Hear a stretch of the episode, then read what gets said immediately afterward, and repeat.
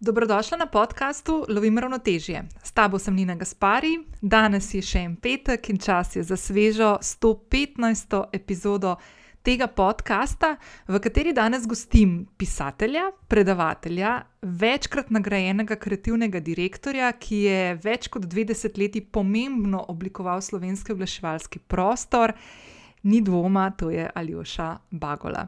Za Aljošo, ki je pred dvema mesecema izdal svojo drugo knjigo, Srečo, prosim, ki je sledila njegovemu knjižnemu prvencu Kako izgoreti, se danes pogovarjava o njegovi poti. Od odraščanja v Prekmurju, v okolju družinske gostilne, ki je postavilo temelje njegovega odnosa do dela in življenja, pa karierne poti, na kateri sva se tudi mi dva srečala dvakrat, najprej na fakulteti za družbene vede kot sošolca in kasneje kot sodelavca na agenciji Pristop. Pred teboj je dobra ura iskrenega pogovora o tem, kako je Aljoša skozi svoje življenjske izkušnje, ki so ga vodile, kot pravi sam, v prepad iskal svojo pot v postavitvi trajnostnega sistema, ki mu je omogočil postavitev nove kariere uspešnega slovenskega avtorja in predavatelja, razvoj zdravega odnosa s seboj in širše, pot iz izgorelosti in kako ga je naučil vsakodnevnega miselnega preverjanja svojega počutja. Ob koncu epizode smo nekaj trenutkov namenili tudi spodobni komunikaciji in uporabi družabnih omrežij.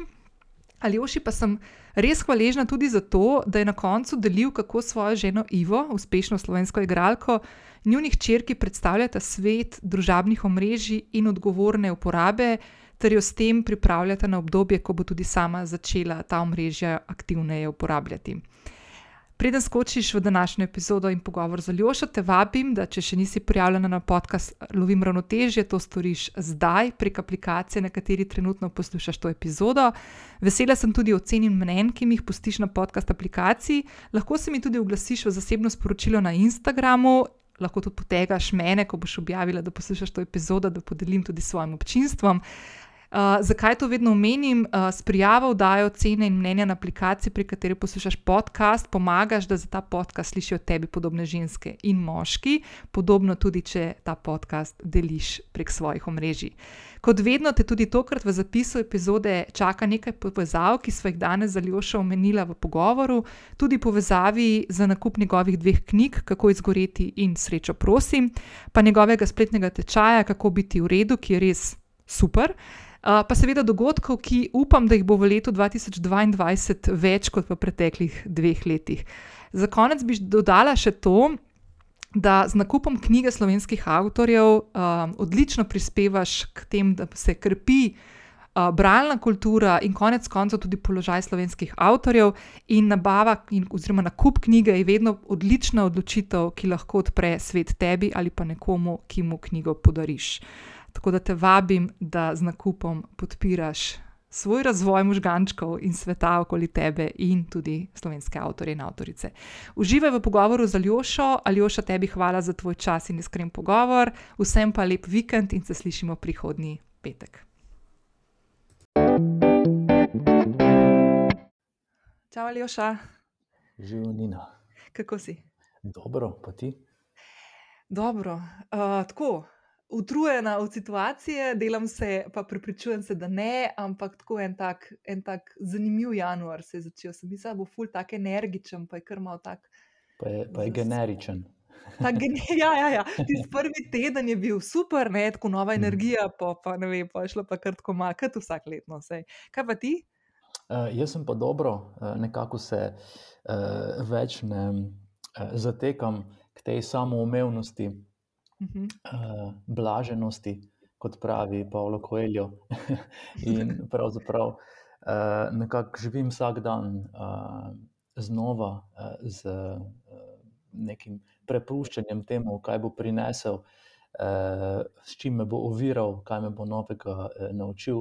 Recimo, zdaj naš kuža je star sedem mesecev, je pravi pubertetnik in Aha. zdaj se je odločil, da v uh, za en predvidenem prostoru, eh, ki si ga je izbral na začetku, več ni fajn, in po noči hodi spat uh, in kolovrati naokoli, se buta ob vrata in me zbuja.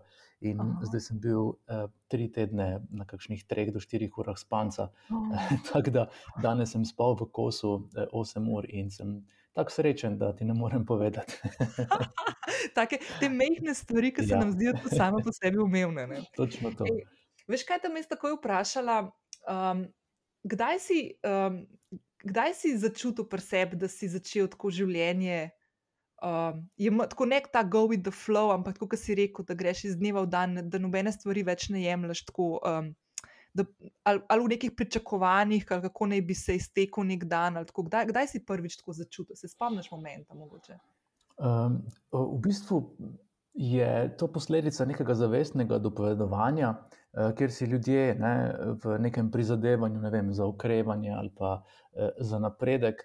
Eh, dejansko želimo preprogramirati te neke prednaložene poglede na svet, preokupacije samimi sabo, pričakovanja, ki jih imamo do sveta eh, in do drugih. In pač to nam je nekako ne, vsem že kdaj prišlo uh, pod oči ali pa na, na ušesa. Ne. Aha, gledaj, uh, eh, veš, ne, uh, ne je mat sveta uh, za samoumevno, ne, ne se prepustiti uh, zvijačam, kjer pač moraš misliti, da je vse prav ali pa da so vse zgolj mrfijevi zakoni in tako dalje.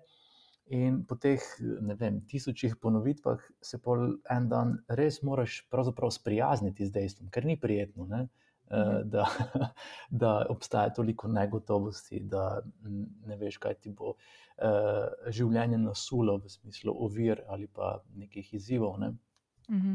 In potem je ta strategija, ne, da to sprejmeš, pravzaprav najbolj nekako uh, uh, prijazna do sebe. No? Ker v bistvu se mi čist pod nekim tem uh, vsem programom, uh, kot sem ga opisal, zdi, da smo potem na koncu dne razočarani nad samimi sabo, da prideš pravzaprav -hmm. do tega in se počutiš slabo in si potrd in si depresiven. -hmm. In si nekako jezen na svet, ampak v resnici se jeziš na sebe. Ej, glej, nisem mogel spati, spet mi ni uspelo to, glej, spet nisem dobil tega in tega. Ne? In mm -hmm. pol pravzaprav zgolj nalagaš, ne, tako kot ledenik nastane, tako da se vsako leto eh, ne stopi tistih 10 eh, cm ledu. Ne. Mhm. Dobro, zdaj smo že pričali obratnemu procesu, ampak nima veze. Tako pravzaprav tudi naše počutje in razpoloženje z tem nalaganjem eh, te neke mikrojeze, mikroagresije do samega sebe postane potrto, depresivno. Uh, in potem moraš ne, vzeti to eno kladiv, kladivce, ki je recimo v tem mhm. primeru to sprijaznjenje, in tako počasi odrihati po uh, teh stvareh. In potem je pač lažje in boljše, in da si usvobojen, mm. pravzaprav samega sebe, kdaj. No. Mm. Mislim, jaz tako, zdaj, ko pomislim nazaj, ene take usporednice, pa bova šla potem tako malo bolj na začetek, da en kontekst tak postavlja, uh, ki je nama skupen, ker se poznava že kar nekaj časa, še iz študentskih let. Tako, ampak, um, ampak tako um, se mi zdi, da smo mi dva tako nekako usporedno, sicer moja zgodba je čist drugačna od tvoje, pač moja in tako naprej. Tudi nisem se srečala s tako globokimi, globokimi um, izzivi, rečemo, na mhm. področju uh, izgorelosti, sem pa imela z depresijo težave večkrat. In, um, in kaj sem jaz ugotovila zdaj v zadnjih dveh letih, ko naprimer, mogoče imam najbolj tako občutek, ta letting go, ne, pa to mhm. opuščanje nekega nadzora, nadzorovanja nad vsakodnevnimi izzivi in tako naprej. Um, se mi zdi tako, da zdaj, zadnje dve leti, gledam na vse stvari, ki sem jih v življenju dala skozi in pomoč, po katero sem si šla, kot neko zelo dobro istočnico, ki mi je pomagala tudi zdaj zadnje dve leti, tako mogoče ne lahkotne iti čez to, ker sem jih na začetku rekla, da sem že vsega sita, pa da me kar malo doživega pride, še vedno stvari in sem res. Ampak se mi zdi, da tako. Mogoče sem se mal pripravila, ne vede na te stvari, ki so se potem začele dogajati za zadnje dve leti. Ampak imaš ti občutek, da si tako po vseh teh izkušnjah, po vseh um, teh razbijanjem teh, teh plasti, ki si jih omenjal. Ali imaš občutek, da si tako zdaj, mogoče malo, mal, ne, ne bolj v izi, ampak tako, da mogoče malo lahkotno to jemliš tudi sam, ali, ali da bi bilo mogoče drugače, če ne bi te izkušnje imel za sabo? Zagotovo. Zdaj, ko si to razlagala, mi je pač nekako se utrnila misel, da pravzaprav nikoli ne bo bolje, eh, bo pa vedno lažje. Uh -huh. uh, in um, pač zagotovo te ne vem, neko trpljenje in Eh, bolečina najprej spravljata v obup, eh, potem te pa pravzaprav prisilita v neko preobrazbo in ti tako pomagata uh, življenje živeti pravilneje. No. In zato, kot pač zapišem v novi knjigi, je včasih pravzaprav bolečina in ne sreča sporočilo življenja, da mu je mar za nas. Ne. In um, tako skozi to dojemanje uh, neprijetnega, uh, skozi izogibanje vsemu, kar boli, kar uh, nas vznemirja, uh, kar zaradi česar uh, trpimo, uh, se včasih uh, nekako zatečemo v življenju uh, uvati. No?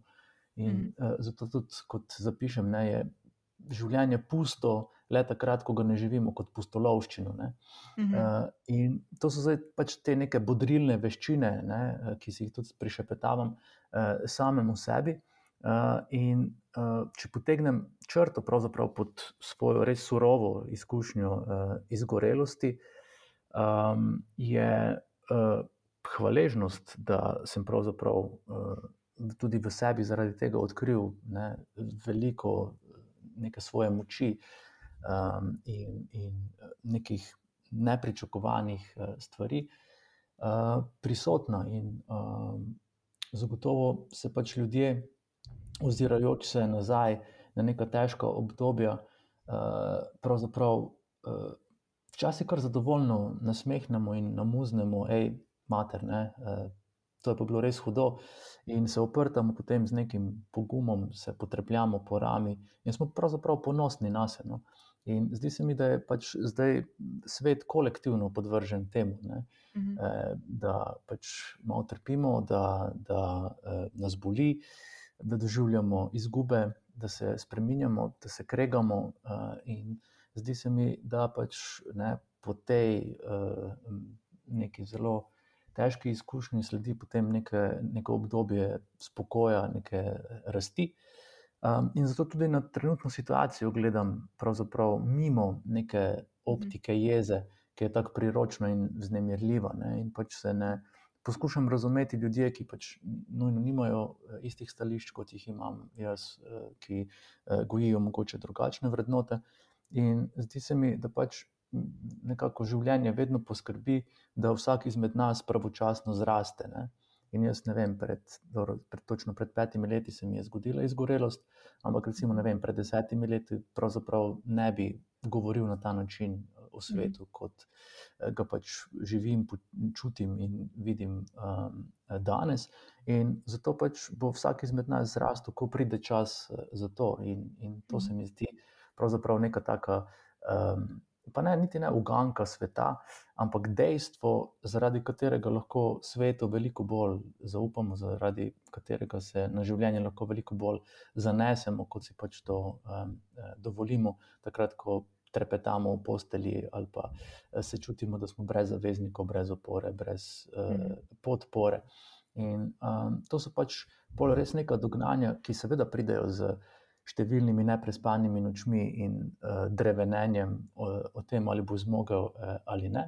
Ampak so ravno zaradi tega, ker so res ne, uh, uh, bila ustvarjena v, v taki silovitosti, uh, tista, ki tudi uh, dolgo vzdržijo in so pravzaprav potem neko večno, večen opomnik, uh, da pač življenje jemliš bolj lahkotneje, no, kot si prej mhm. omenila. Mm -hmm. Mislim, tebi je ta izkušnja z izgorelostjo naredila eno tako, mogoče ne vem, če te pravi beseda, renesanso. Ne? Uh, renesanso, sem rekla, renesanso. in, uh, in v bistvu ti je pripeljala tudi en kup enih novih priložnosti, oziroma nekih vlog, ki si jih v življenju potem uh, začel igrati in spremembo. Ne vem, po mojem, spremembo, ker če ne bi te izkušnje dal čez, je vprašanje, če, če, če bi jo na tak način zapeljal. Zagotovo. Um, Mogoče, da greva malo nazaj, zdaj bom jaz samo en tak uvod, mogoče sem to naredila, kako se jaz tebe spomnim z fakultete. Uh, ker sem tako malo razmišljala, probala sem se čim manj pripravljati na ta pogovor danes s tabo, ker sem hotela, da tako res malo tako freestylava. Um, ampak sem se ful spomnila, da enega od prvih um, spominov na te, če ne prvega, imam, ko si uh, eno nagrado ste dobili v času študija uh, Duška Mervar je bila tudi zraven. Jaz, ne, se, jaz se ne spomnim, če je dobro, kaj je bilo, štiri ste bili. Ja, in jaz sem vas intervjuvala. Društvo, ja, krilate oblike. Ja. No, evo, in jaz sem naredila z vami intervju za finance, takrat sem mhm. pisala za finance. In uh, enega od prvih stikov s tabo, ki sem ga takrat imela, je bil, da si bil že takrat um, zelo tako, um, zelo rad si imel besede ker se spomnim, uh, pa to ne mislim kot kritiko, by the way, ja. ampak za nazaj se spomnim, Tudi da sem vam poslala uh, uh, tisto, kar sem napisala, si se javil nazaj in si imel ene par. Pripomb, kaj sem napisala, in napak, ki sem jih napisala, sva popravila, ampak si imel to, se spomnim, tudi ene par idej, kako bi kakšne besede drugače napisala. Druge besede si mi ponudil. Jaz se to tako spomnim. In pol, um, in pol se spomnim, naslednja točka, no, ki je bila najna, um, je bila ta, da sem prišla jaz tudi na pristop delati in sva se tam mhm. večkrat srečala in tudi delala na določenih projektih skupaj. Um, tako da, kar jaz lahko rečem tukaj v tej zgodbi, uh, je, da prihajava nekako iz podobnega okolja, sicer si ti v njemu deloval bistveno dlje časa kot jaz. Um, in um, intenzivnost tega okolja je taka, da uh, ne bom rekla, da ni čudno, da ljudje doskrat potem pose moramo poseči po določenih. Uh, pomočeh, ker je res intenzivno okolje za delo. Um, ampak se spomnim, Aljoša, enkrat, se to je zdaj tako fulgrozen, kar bom rekla. Jaz sem se že takrat zavedala, kako je bilo to grozen. Jaz sem tebe enkrat srečala, par let nazaj, ti si bil, po mojem, čist na začetku te svoje poti izgorelosti, preden si knjigo napisal. Um, sva se srečala v baziliki v centru. Ne vem, če se ja, spomniš. Se spomnim, ja. V času malce, In prva stvar, ki sem jaz tebe videla med tednom v baziliki, je bila, wow, kaj pa je narobe, da je Ljoša na drugi strani mesta, kot ponavadi hod na malcah, pa tam okrog pristopa. Naprimer, A veš, ful grozen, ful grozno vprašanje, ki si ga tako postaviš. Ne? Ker mi je bilo tako izven serijsko, da si si ali vzel čas, ali da si skočil na drugo stran mesta in tako naprej. Pa smo se zaklepetali in si takrat tudi omenil, kaj se ti dogaja. In zdaj, kaj mislim, moje vprašanje je, je da je mogoče veš, kaj bi rada s tebe, zdaj malo se s tabo pogovorila. Da mogoče greva par korakov nazaj, pa da mogoče najdeš kakšno usporednico med svojim odraščanjem, otroštvom, kako si, kako si izbral konec koncev tudi študij, pa potem poklicno pot. Uh, pa kje so mogoče tiste stvari, ki so se, tako kot si prej omenil, na tem ledeniku, veš, začela nalagati pri tebi, um, da si potem na koncu, da je to rezultiralo konec koncev tudi v tem, da si začel iskati uh, pomoč za stvari, ki so se ti začele dogajati pred petimi leti? Um, res je, takrat, ko smo se srečali v Baziliki, uh, um, si uh, v bistvu mi uh, lepo povedala, da mater ali oša je v trenirki in na drugi strani mesta nekaj je narobe. Ne? Jaz sem se vrnil z prehoda uh, na Rožnik, vsak dan sem pol, uh, hodil več ur. Uh, po naravi in uh, sem uh, si privoščil kosilo in šel premljevati uh, ali na psihoterapijo ali pač kot domačo nalogo. Um, in seveda, kar sem premljeval in kar sem nekako um, uh, poskušal uh, spremeniti, so bili. Vzorci, po katerih sem tako, tako uh, dolgo deloval, uh, in seveda si izpostavila e, otroštvo, kar je zagotovo e, začetek e, tega nalaganja ali pa prednaloženosti z določenimi načini ravnanja, obnašanja, stremljenja, ambicij v končni fazi vsakega izmed nas. In jaz pač, kot najbrž večina poslušalk in poslušalcev ve, prihajam iz gostilniške družine, z garaške eh, družine iz Prekmurja, eh, ki pač je nekako vedno trpelo za manj vrednostnim kompleksom, je pravzaprav tudi zgodovinsko gledano nezaželeni otrok naše države. Že ne, po prvi svetovni vojni se ljubljanska delegacija ni hotela dobiti s prekmursko delegacijo. Uh, in zato so posredovali v Beogradu, in tako dalje. Uh, no, in um, če prištejemo te neke okoliščine, uh, v katerih se uh, nekako uh, naše osebnosti ustvarjajo, uh, kalijo uh, in iz uh, okolja, katerega izhajamo, pravzaprav tudi uh, najbolj uh, črpajo. Ne? um, imamo že v osnovi prednaloženih veliko, veliko nekih ovir. Um, in pri nas je bilo to, uh, to udinjanje pravzaprav gostom. Ne? Gost mora biti vedno zadovoljen, mora biti uh, uh, nasmejan, uh, mora biti pravzaprav srečen, ko zapusti gostilno, ker je to edino zagotovilo, da se bo še kdaj uh, vrnil. Nekako maksima uh, našega vsakodnevnega prizadevanja. Sveda je bilo tudi vem, veliko radosti, uh, veselja, ampak v silovitosti, pa tudi recimo neki me, megalomanski ambiciji uh, uh, mojega očeta, je bilo že prisotnih veliko ovir za to, da pač bi mi, kot družina, lahko funkcionirali drugače, kot zgolj disfunkcionalno. No? In to se mi zdi pač uh, tudi v končni fazi neko to samo odlikovanje slovenskega naroda z deloholištvom, ne, ki ga pač še vedno čislamo kot krepost, kot eh, nekaj, ne, za kar si prizadevamo, namesto da bi ga videli kot zgolj še en pobeg od uh, uh, samega sebe. Uh, in pravzaprav to okolje nagovarja nenehno in, in, ti, in te zoprstavlja um, nekemu dejstvu, da uh, brez tega, da res ne boš iz sebe iztisnil zadnje kapljice znoja krvi uh, in zadnje molekule energije, uh, ti ne bo uspelo, oziroma si tega uspeha ne boš uh, zaslužil. Potem k temu prištejemo še to, da pravzaprav v uspehu uh, ne znamo uživati, in tako mhm. pridemo do situacije, kjer smo pravzaprav uh, pridne. Uh, uh, deloholiške mašine. Uh, mm. In seveda ni zgolj vse slabo. Jaz pač se lahko staršem zahvalim za pač marsikaj, za darove, talente, eh, ki eh, ste jih krepila eh, vseh nas. In pravzaprav ta osvobojenost nekih spon in tudi ta raznolikost gostilniškega okolja, kjer ti pravzaprav ne nekno živiš na očeh.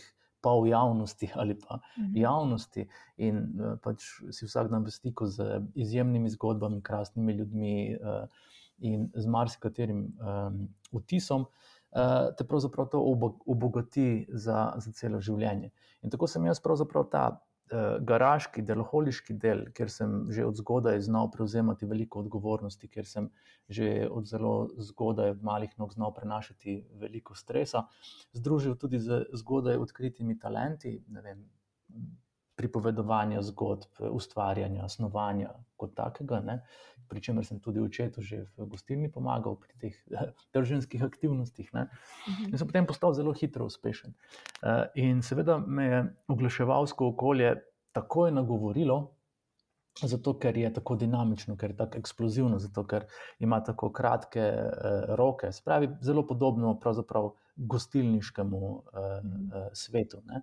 Veliko je stika z ljudmi, veliko je zahtevanih retoričnih sposobnosti, uh, nastopa, uh, svoje vrstne diplomacije in to mi je res dogajalo. No? To me je pravzaprav uh, v hipu uh, nekako prepričalo. In po drugi strani, ker vedno nekako um, uh, nezavedno uh, iščemo isto patologijo ali pa vsaj isti vzorec, kot ga poznamo uh, iz uh, družine, uh, je pač oglaševanje tudi veliko krat uh, nekako pogojeno z disfunkcionalnimi odnosi, ki so asimetrični. Ne? Spet naročnik ima vedno prav, za naročnika moramo poskrbeti. Ne? Mhm. In je pravzaprav mi bilo to tako ena na ena, ne? da sem se znašel v svetu oglaševanja in se res počutil kot uh, uh, riba uh, v vodi. No? In, in to je pravzaprav neka ta osnova.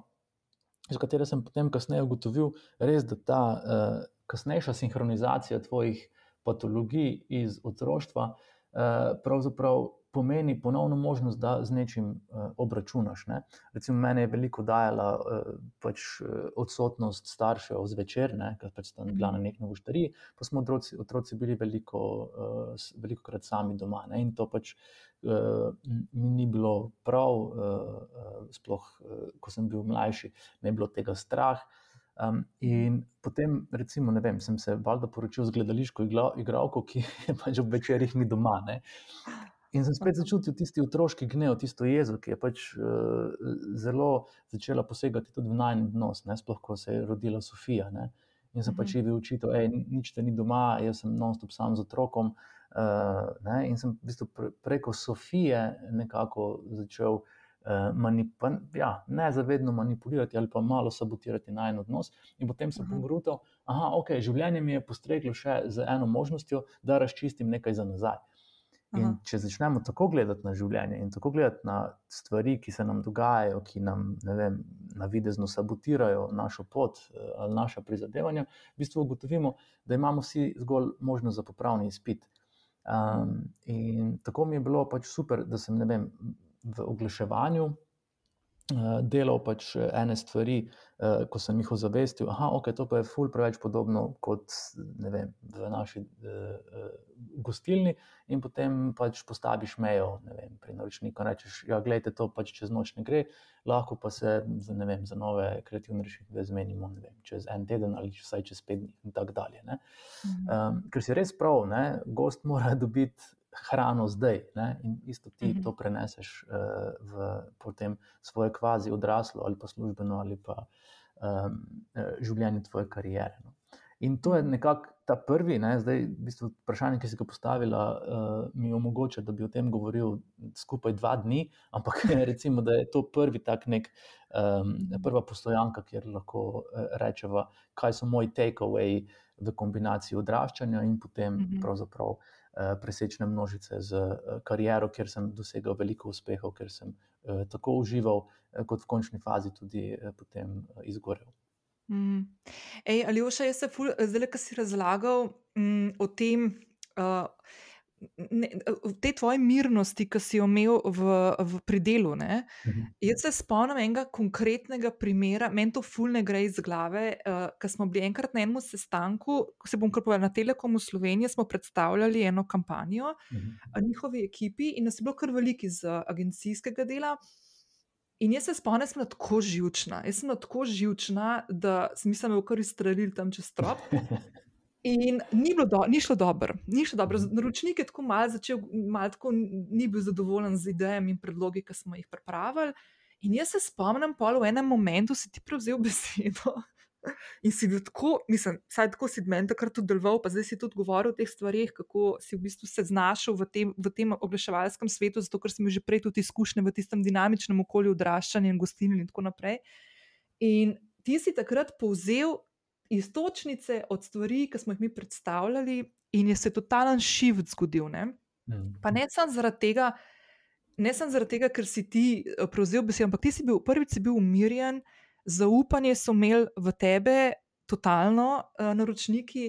In meni se je takrat zdelo to tako kul cool in ena tak, tak super power. Ne, mhm. Da, polk sem, naprimer, ko smo se mi dva pol srečala tam v tisti baziliki, ne, in kasneje, in ko sem tvojo knjigo ta prvo prebrala, um, mi je bilo tako, veš, um, ne bom rekla, dve, da sem dve osebnosti tvoji srečala, ker absolutno je stvari, ki si jih ti doživljal in opisoval, tudi konec koncev v knjigi, ki so ti vse ti dogajale in tudi zdaj, kar si povedal. So to, sta to dve plati pač enega človeka, ki, ki se sreča in sooča s stvarmi, ki se mu dogajajo znotraj. In, je, mhm. in mi je bilo takrat tako fenomenalno, ker sem se spomnila te, točno tega sestanka in tega, kako si ti tam v trenerki sedel v baziliki in sem si mislila, kako mi je bilo hudo takrat ne, za tebe, ker pač vem, kaj, kaj se dogaja človeku, ki se sreča s takimi stvarmi v življenju. To so ful, ful težke stvari in res zahtevajo ogromno ene, enega dela in, in, in pogleda vase, ki ga včasih nočemo, ne, ker se ukvarjamo raje s tistim, kar je zunaj nas, ne, ker kao je zgleda lažje, vsaj na kratki mm. rok, dolgi ne, ne. Ampak po drugi strani sem si pa mislila, wow, ej, tole ne, ki boš dol čez, če boš svojo špuro, furo, bo to zmaga. Ne. In sem full vesela, ker sem pol tudi kasneje, ker si knjigo dovolj. Ena od stvari, sem, uh, izgo, uh, kako, kako izgoreti, ena od stvari, ki sem ti bila jaz blazno hvaležna, kot bralka je bila ta, da sem bila ful vesela, da je to moški napisal. Mhm. Zato, ker se mi zdi, da ženske mogoče se te stvari znamo malo bolj pogovarjati uh, ali pa ja, biti uh, glasne o kakšnih takih težavah, ki jih imamo, moški pa manj. manj mm. In uh, zdaj, ko tebe poslušam, ki si govoril o svojem otroštvu, se je ene par stvari omenil. Eno je bila pridnost, ne? Eno je bil ta deloholizem, ki ga potem uh, okolje, v katerem smo oba mi dva tudi delala, ti bistveno dlje časa kot jaz, uh, nekako spodbuja. Da mi povej, kakšen imaš danes odnos do deloholizma, pa do pridnosti. Um, kot sem prej omenil, pravzaprav um, sedaj ljudi, tudi če me prosijo za nasvet, predvsem poslušam, ker se mi zdi, da je to pravzaprav. Uh, Pa ne vse, kar lahko damo, ampak je najbolj pomembno. In to je, po mojem, tudi nekako tisto skupno izhodišče z omenjenim sestankom, um, kjer pač uh, ni šlo vse tako, kot, kot bi moralo, potem pa um, sem pač ljudi poslušal in uh, povzel uh, stvari, uh, spremenil pogled na uh, pravzaprav uh, sodelovanje, ki ga moraš vedno nekako predstaviti v luči zavezništva in ne pravzaprav toliko tega, kar je veliko krat prisotno v slovenski poslovni kulturi, da nekdo uh, išče tvoje napake. Ne? In mm. pač, ko prejš na prezentacijo in odprezentiraš vem, uh, kreativne rešitve, uh, za katere si trdo garal, ki so posledica tvojega talenta, trdega dela, številne, številne uh, ekipe, in nekdo preži na, na napako. Uh, potem ga moraš tudi eh, razumeti, ker je pravzaprav vse to posledica pridnosti ne, in te naše ukalupljenosti v idejo podredljivosti. In recimo, veliko članov, pa zdaj ne govorim o dotičnem naročniku, ne, mhm. govorim na splošno. Ne. Veliko članov kakšne eh, ekipe eh, pravzaprav misli, da mora najti napako, eh, zato ker eh, in s tem pač odraža, kako je bil vzgojen. Ne? Se pravi, mm -hmm. starši, ki so iskali napake, to pa to si naredil, zakaj si to pa to pa to naredil. Ne? Bodi priden in naredi tako, kot sem ti rekel. Mm -hmm. In pravzaprav je to ključna ovira, oziroma strelj v koleno eh, naše nacionalne kreativnosti, ki je izjemna. Slovenci smo res uh, izjemni v, v uh, iskanju idej in v uresničevanju tega. In zato je pravzaprav to, da nekomu prisluhneš in ga razumeš. In, veš, pa da te najprej, ne vem, ego pocuka za roko mm -hmm. in da jim zdaj to moraš čistiti. yeah. Ja. Ampak ne, moraš biti eh, umirjen, eh, zadržan, poslušati in potem narediti nek destilat. In jaz pač znam nekako. Uh, pogledati veliko sliko in narediti iz tega diplomatski uh, destilat. Mm -hmm. In pravzaprav uh, ta umirjenost mi je bila nekako um, osnova, in uh, sploh na točki, ko pač sem imel zaupanje. In zaupanje je isto kot vem, ledeni, ledeniški nastanek, nekaj, kar se zgodi skozi čas. Ne, ne moreš ti mhm. vkorakati, pa ti na vizitki piše vem, izvršni kreativni direktor, in zdaj pa ti bodo takoj mhm. zaupali. Ne, pač, to je ne, tisoče, tisoče ponovitev odnosa, uh, ki je pravzaprav. Uh, Tisti, ki je odnos razumevanja. Ne? In pravzaprav se kalimo skozi odnose.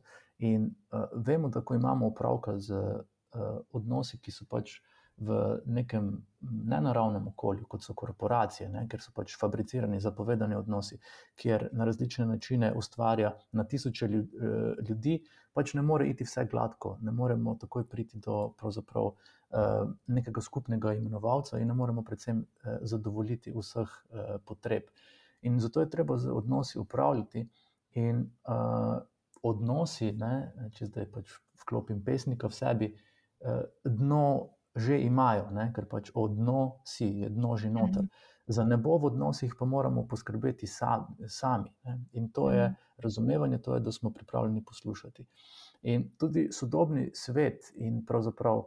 Eh, nek vizir, ki nam ga programira algoritemsko z družbenimi omrežji, pravzaprav onemogoča poslušanje, zato ker pač uh, omogoča katapultiranje svoje jeze, katapultiranje svojega uh, vznemirjenja in vsak samo kriči po svoje. Mm -hmm. Na mesto, da bi bil kdo pripravljen poslušati in si prizadevati za iskanje konsenza. In konsens je pravzaprav nekaj, kar izginja iz naših uh, odnosov. Ne? Zato, ker smo po mhm. eni strani vsi pod vtisom, da moramo zgolj sprejemati kompromise, ne? in kot pa mhm. če temu rečem, da smo v uh, času kompromiskuitete. Um, uh, in da smo po drugi strani pač zgolj utišani. Ne? In če v tej neki recepturi, slovenski pridnosti, odštejemo podredljivost, pravzaprav pridemo do te ključne surovine, ki je pa predanost. Ne. In mhm. predanost je pravzaprav tista, ki omogoča napredek. Ne. Tako kot sem jaz vodil ne vem, neverjetno uh, kreativno ekipo uh, vrsto let in pač uh, čutil predanost uh, res vrhunskim idejam, vrhunskemu uh, sodelovanju, ki pa pač je morala biti podvržena temu razumevanju, da uh, obstajajo ne vem. Uh, različni naročniki, različni načini razmišljanja, različna dejstva, različne vem, eh, razvojne stopnje tudi eh, produktov, in da pač ne moreš zgolj egoistično ravnati. In, eh, čeprav bi vem, za kakšno idejo zagotovo dobil še več nagrad, si pač primoran stopiti korak nazaj in pač ravnati odgovorno v smislu tega odnosa. In zdi se mi, da je pač to, da odnos traja omogočeno z tem, da smo res pripravljeni poslušati. Ne? In zato, kot mhm. zapišem, ne, si vsi želimo tudi ljubezni na prvi pogled, ampak pravzaprav ugotovimo, da so uh, ušesa in naš jezik veliko pomembnejši od tega. No? Mm. Ja, tako da zdaj sem najbrž naredil kakšno digresijo oziroma obvoznico uh, okoli neke neposredne uh, uh, želje iz tvojega vprašanja. Uh, ampak zdi se mi, da je pravzaprav to neka osnova, In da, uh, ko se mi je uh, zgodil ta um, prepad, uh, v katerega sem nehote uh, stopil, uh, sem spet bil prisiljen poslušati, ampak tokrat samega sebe ne? uh mhm. -huh. in za sabo doseči uh, uh, neko uh, zavezništvo. Ki bo pač moj odnos z samim sabo povzdignilo na uh, drugo, uh, drugo raven. In zato pač ne, uh, si v trenirki, ker pač veš, da se moraš nadihati, da se moraš mm -hmm. umiriti, in predvsem, da pač moraš trenirati uh, svoj um, da začne mm -hmm. razmišljati drugače, da se odpove nekim pričakovanjem, ki več niso v skladu s tvojimi, da zasleduje cilje, uh, ki so pravzaprav tisti, ki ti omogočajo tvojo izpolnitev. In to je trdo delo, to je težko delo, to je garanje. Uh, in uh, pač zato je treba res vsakega človeka, ki uh, je soočen s takšno stisko, razumeti in mu pač pomagati mm. po svoji moči. Predvsem je pa spet, da se vrnem čisto na začetek tega vprašanja, največja moč v tem, da ga poslušamo in ga poskusimo mm. razumeti. Um, ne, v bistvu mi je zdaj ful dobro, da si tole, uh, ta uvinek naredil, zato ker uh, ena stvar, ki sem te hotel vprašati, preden te bom vprašala o tem pogovarjanju, pa grajenju odnosa samega s seboj, kako, to, kako si to počel, oziroma kaj je tisto, kar mogoče na dnevni ali pa na, na redni ravni počneš na kakšen način, da se, mal, da se čekiraš skozi, da si v stiku sam s sabo, kaj se mhm. dogaja okrog tebe in v tebi. Me zanima ta ovinek, ne? ker zdaj ljudje tebe poznajo. Mm, Poznajo te zdaj v zadnjih eh, letih kot pisatelja, knjižnih uspešnic, eh, pa do tega še prideva. Uh, pa poznajo te kot izredno kreativno osebo, ki je koliko 20 plus let gradila kreativni prostor v Sloveniji, oziroma bila ena od oseb, ki ga je najbolj mhm. zaznamovala. Um, ampak zdaj, Aljoša, vmes se je pač tebi zgodil ta prepad, v katerega si ne hote, ne vede v prvem trenutku vstopil. Um, kako? Ker ena stvar, ki se je takrat zgodila, ne, je tudi ta, da si bil ti pred velikimi odločitvami, kariernimi, konec koncev poklicnimi, kako na najbolj, bom rekel, zdaj, mogoče bo to napačna beseda, ne, eleganten način zapeljati to, da po 20 letih te predanosti delu in ekipi in konec koncev podjetju, v katerem si toliko časa delal. Stopiš na neko novo pot, na neko samostojno pot, svojo kreativno, tudi v novih vlogah. Um, kako se je to zgodilo? Ker to je trajalo dalj časa, to niso stvari. Doskrat se srečamo s kakšnimi Jaz veliko dobim, kaj še tako um, sporočila, eh, bi zamenjala službo, pa se ne upam, ne vem, kako to narediti. To, to je tako ja. beyond ja. that. Ne? Kako je to pri tebi potekalo? Kaj, kaj je bilo tisto, kar, kar, je, kar ti je krožljalo največ uh, možganskih celic in živcev v tistem hmm. obdobju? Uh, silovitost pač, moje izgorelosti je bila takšna, da sem se prav dobesedno sesul v, v prah. Uh, in uh, seveda, en del tvoje zavesti, ki pač to opazuje, je uh, prisoten, uh, ampak docela uh, prestrašen. Uh, drug del tebe, pač tisto, kar te je tako zaznamovalo, ne, na čem si gradil svojo identiteto, uh, je pa uh, popolnoma uh, onesposobljen in uh, onemogočen.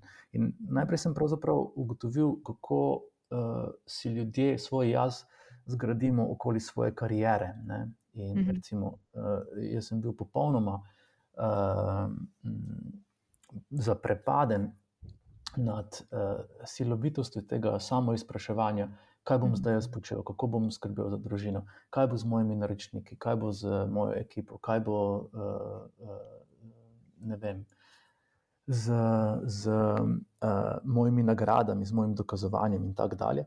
Uh, in pravzaprav ne, potem hitro ugotoviš, da se ne spoštuješ in ne ceniš zato, da zgolj si, ne, kar bi moral biti nek osnovni namen, uh, da si pač človek, bitje, ki ne, mu lahko in, vze, in mu je dovoljeno spodleteti, uh, da pač ne uspe, da kaj ugotovi in tako dalje. Uh, ampak to je seveda še uh, zamotano v toliko slojev uh, strahu, bolečine uh, in pravzaprav popolnega, surovega, brutalnega uh, obupa. Tistega stanja. Ne. Tako smo najprej gasili požare, jaz sam pri sebi, v firmi smo poskušali nekako uh, ustvariti um, nek čim bolj mehek, ta urgentni prehod, da sem jaz pač lahko šel na, na bolniško. In pač pravzaprav se noben ni zavedal, kaj se je, je zgodilo. Ne. Ne, mi v vodstvu, ne jaz sam pri sebi. Um, in zato pač sem tudi hvaležen uh, kolegom, uh, za neko razumevanje in podporo.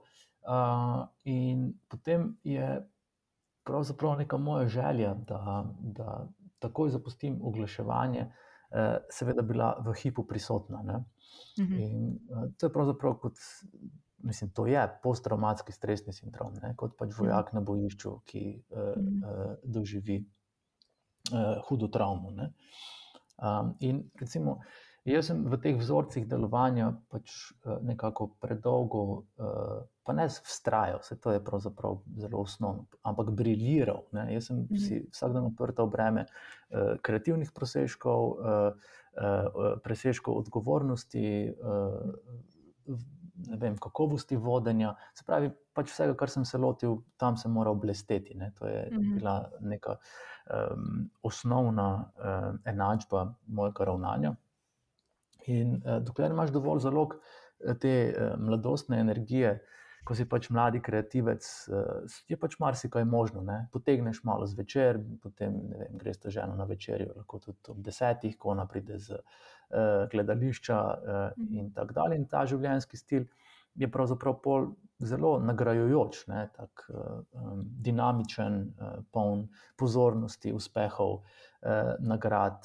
Uh, in uh, To so človeka, ki pač v ozadju deluje po navodilih manj vrednostnega kompleksa, seveda zelo poloti in mu na nek sprevržen način, valjda, če še ne poznaš, zakaj sploh se moraš toliko dokazovati in to potrebuješ, godi. Ne? Mhm. In um, potem pa smo si ustvarili družino, Ivina služba je še vedno zahtevala ogromno večerne odsotnosti, jaz sem še vedno isto, eh, oziroma še veliko več delal, prihajal domov, eh, potem bil od petih eh, naprej, večinoma sam z otrokom, in tako tvoja energija pravzaprav, pravzaprav začne zelo kopneti. Ne. Potem se mi je zgodilo še eno poslovno, osebno poslovno razočaranje. Ki je nekako načelo moje vrednote, in v vsem tem skupaj sem se res vrgel v deloholištvo ne? in sem mhm. bežal, bežal, bežal, bežal. Telo me je opozarjalo, da to ni vredno, ampak jaz sem bežal, bežal. Ampak zanimivo je bil še zgolj vedno bolj uspešen, ne? vedno več nagrad, vedno več potrditev. Mhm. Pač bilo je vse samo umevno. Jaz sem bil dejansko na eni točki, ko se prej menjalo zaupanje vase. Jaz sem bil prav. Tako ne uh, utrudljivo, samozavesten. Jaz sem verjel, da pač bomo zmagali, pač kam, ker koli na mhm. tečaj bil, ne bil velik, sreden ali majhen. Jaz sem veril, da bomo zmagali. Tako sem bil pripričan uh, v, v svoj tim, v, v firmo, v vse strokovnjake in predvsem samega vase in ideje, uh, za katerimi sem pač uh, prihajal uh, do, uh, do naročnikov. Uh, in potem sem tudi tu šel tako daleč, da, da uh, sem si dejansko načel uh, zdravje, potem to ignoriral, uh, oziroma ko mi je zdravnica pač postavila diagnozo, da še nisem izgorel, ampak sem samo resno izčrpan. Sem prvič pogooglal izgorelost in videl, da so potrebni neki psihološki vzorci, takšne in drugačne uh, stvari iz otroštva. In mm. da je Superman v meni zaključil, da jaz ne morem izgoreti, in potem mm -hmm. sem si zgolj še več dela oprtel. Ne. In uh, kot nam življenje pravzaprav želi nastaviti ogledalo, ne, in se mi toliko krat nočemo ozreti uh, in za hip ustaviti, je pred nas seveda pri, prisiljeno postaviti zid. In tako mm -hmm. pač je uh, bil ta zid. Pravzaprav tista prva točka prebujenja, uh, oziroma najprej seveda sestavljanja sebe v dovolj delujočo. Uh, Celoto nazaj, da sem spet lahko začel delati. In uh, tako sem pravzaprav vedel, da v oglaševanju ne bom mogel ostati. Imel sem še pač, uh, uh, kot uh, um, mlajši partner uh, neko prehodno obdobje za izstop. Seveda sem se čutil po 20 letih uh, soustvarjanja takšnega izjemnega podjetja, uh, uh, tudi nekako uh, zavezan, da pač pomagam, da, da to speljemo uh, kot, je, uh, kot je prav. In sem v bistvu tudi fulh hvaležen, da, da smo si vsi vzeli čas in energijo, da smo uh, to naredili na, na takšen način. Medtem pa sem pač probaval, kaj bom, kako bom, uh, s čim bom. In ta potreba, da začnem pisati, se je pravzaprav rodila kot terapevtska potreba. Eh, predaval sem prej že ogromno in potem sem mm, nekako eh, z roko v roki počasi začel ustvarjati to pot eh, in to kariero. Vmes sem pa res, res, res, res, res, res trpel. Mhm. Če sem bil prej res supermen, pravzaprav Michael Jordan, dajte mi žogo, ne, mhm. prosim, čim več žog. Ne. Sem se zdaj zaklepal v pisarno. Uh, pred sestanki delal vaje v dihanju, po licih so mi le, uh, tekle solze, uh, uh, roke so se mi tresle, uh, tako da sem jih moral imeti v žepu, skrite, kdaj na začetku. In ko vidiš silovitost uh, tega zloma, kaj se ti v bistvu lahko zgodi, ne? da si pred dvema tednoma še supermen, sicer godrnjav in depresiven supermen, ampak še vedno supermen, uh -huh. uh, potem pa pravzaprav uh, neka nemočna lupina uh, je eh, nekaj, kar uh, te prisili v spoštovanje življenja in sveta, ki ga pač ne moreš krojiti po meri svojega ega ali po mhm. meri ega in pričakovanj koga drugega, ali pač uh, po tej neki uh, inerciji, nenehnega zaganjanja, dokazovanja, uspehe, dosežke in uh, pravzaprav ta ponižnost, ki pride za tem je tista dragocenost in tisti uh, biser, ki se je zgodil v bolečini, uh, in ga potem res uh, pestuješ in si mu hvaležen. Uh -huh. um, zdaj si omenil uh, pisanje, ne? da si tudi. Takrat, v tistih obdobjih, ko si razmišljal, kako ta prehod narediti, oziroma kaj je tisto, kar bi lahko počel v življenju, ker si vedel, da oglaševanje ni več tisti prostor, um, ki ga želiš zasedati še v prihodnje. Ne? A je tvoj začetek pisanja bil namenjen že temu, da boš te stvari, kdaj si se odločil, da boš uh, svoje zapise oziroma pisanje nekako um, zapakiral, grda beseda, v, v knjigo, ki jo boš potem izdal? Verjetno si pisal najprej o, za sebe, za stvar, da si sam sebe opazoval tudi skozi uh, prakso pisanja. Hmm. Uh. Zdaj, mogoče velja omeniti, da jaz pišem že od svojega 20. ali 21. leta. Uh mhm. -huh. Takoj, ko sem prišel na pristop, eh, je tam eh, pač eh, kolegica Katarina Prešeren. Mhm. Me kot mladega, nadobudnega kreativca, sem pol tako zmagal na tekmovanju uh, slovenskih mladih kreativcev in pač res bil zelo hitro, uh, zelo uh, prepoznavno uspešen, eh, nekako predlagala kot kolumnista za takrat modno Jano. In jaz se spomnim, da sem eh, že takrat eh, črke besede kolumna preimenoval v um na kol, um na kol, ne, in pač pisal take nenavadne, kreativne uh, kolumne. In spomnim se, da je enkrat takrat na enem dogodku prišla Vesna Milek do mene in je pohvalila moje pisanje, in sem bil čist v uh, devetih nebesih. Uh, in um, recimo. Uh, od takrat, uh, ne, se pravi, dobrih 20 let, jaz že pišem, ne nehno, ne, sem zelo zverziran v tem.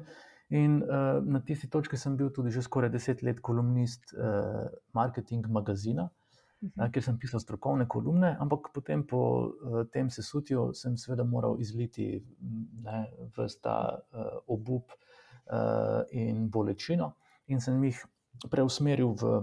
Recimo, temu terapevtsko pisanje, in odziv je bil takojšen in neverjeten. Ne? Pač toliko poistovetenja z mojim pisanjem um, se je zgodilo, da so kolumne imele tako rekordno branost, primerljivo z mainstream mediji. Uh, in uh, me je potem, seveda, to samo razčiščevanje, seveda, v, z roko v roki z psihoterapijo, brez katere, po moje, te izgorelosti ne bi uh, premagal na način, kot sem se uh, ga lotil, in to je pač uh, ne medikamentozno. uh, da, da je ideja o knjigi, uh, kjer je pravzaprav manjka košir, vsakeč, ko je prebrala mojo uh, kolumno, uh, za, za, spodaj zapisala komentar, uh, odlično, ali oša, kdaj bo knjiga. Ne? Uh, bila neka vrsta moj katalizator, uh, da sem na eni točki res sklenil, okay, da je mu zdaj to uh, zrihtati na, na ta način.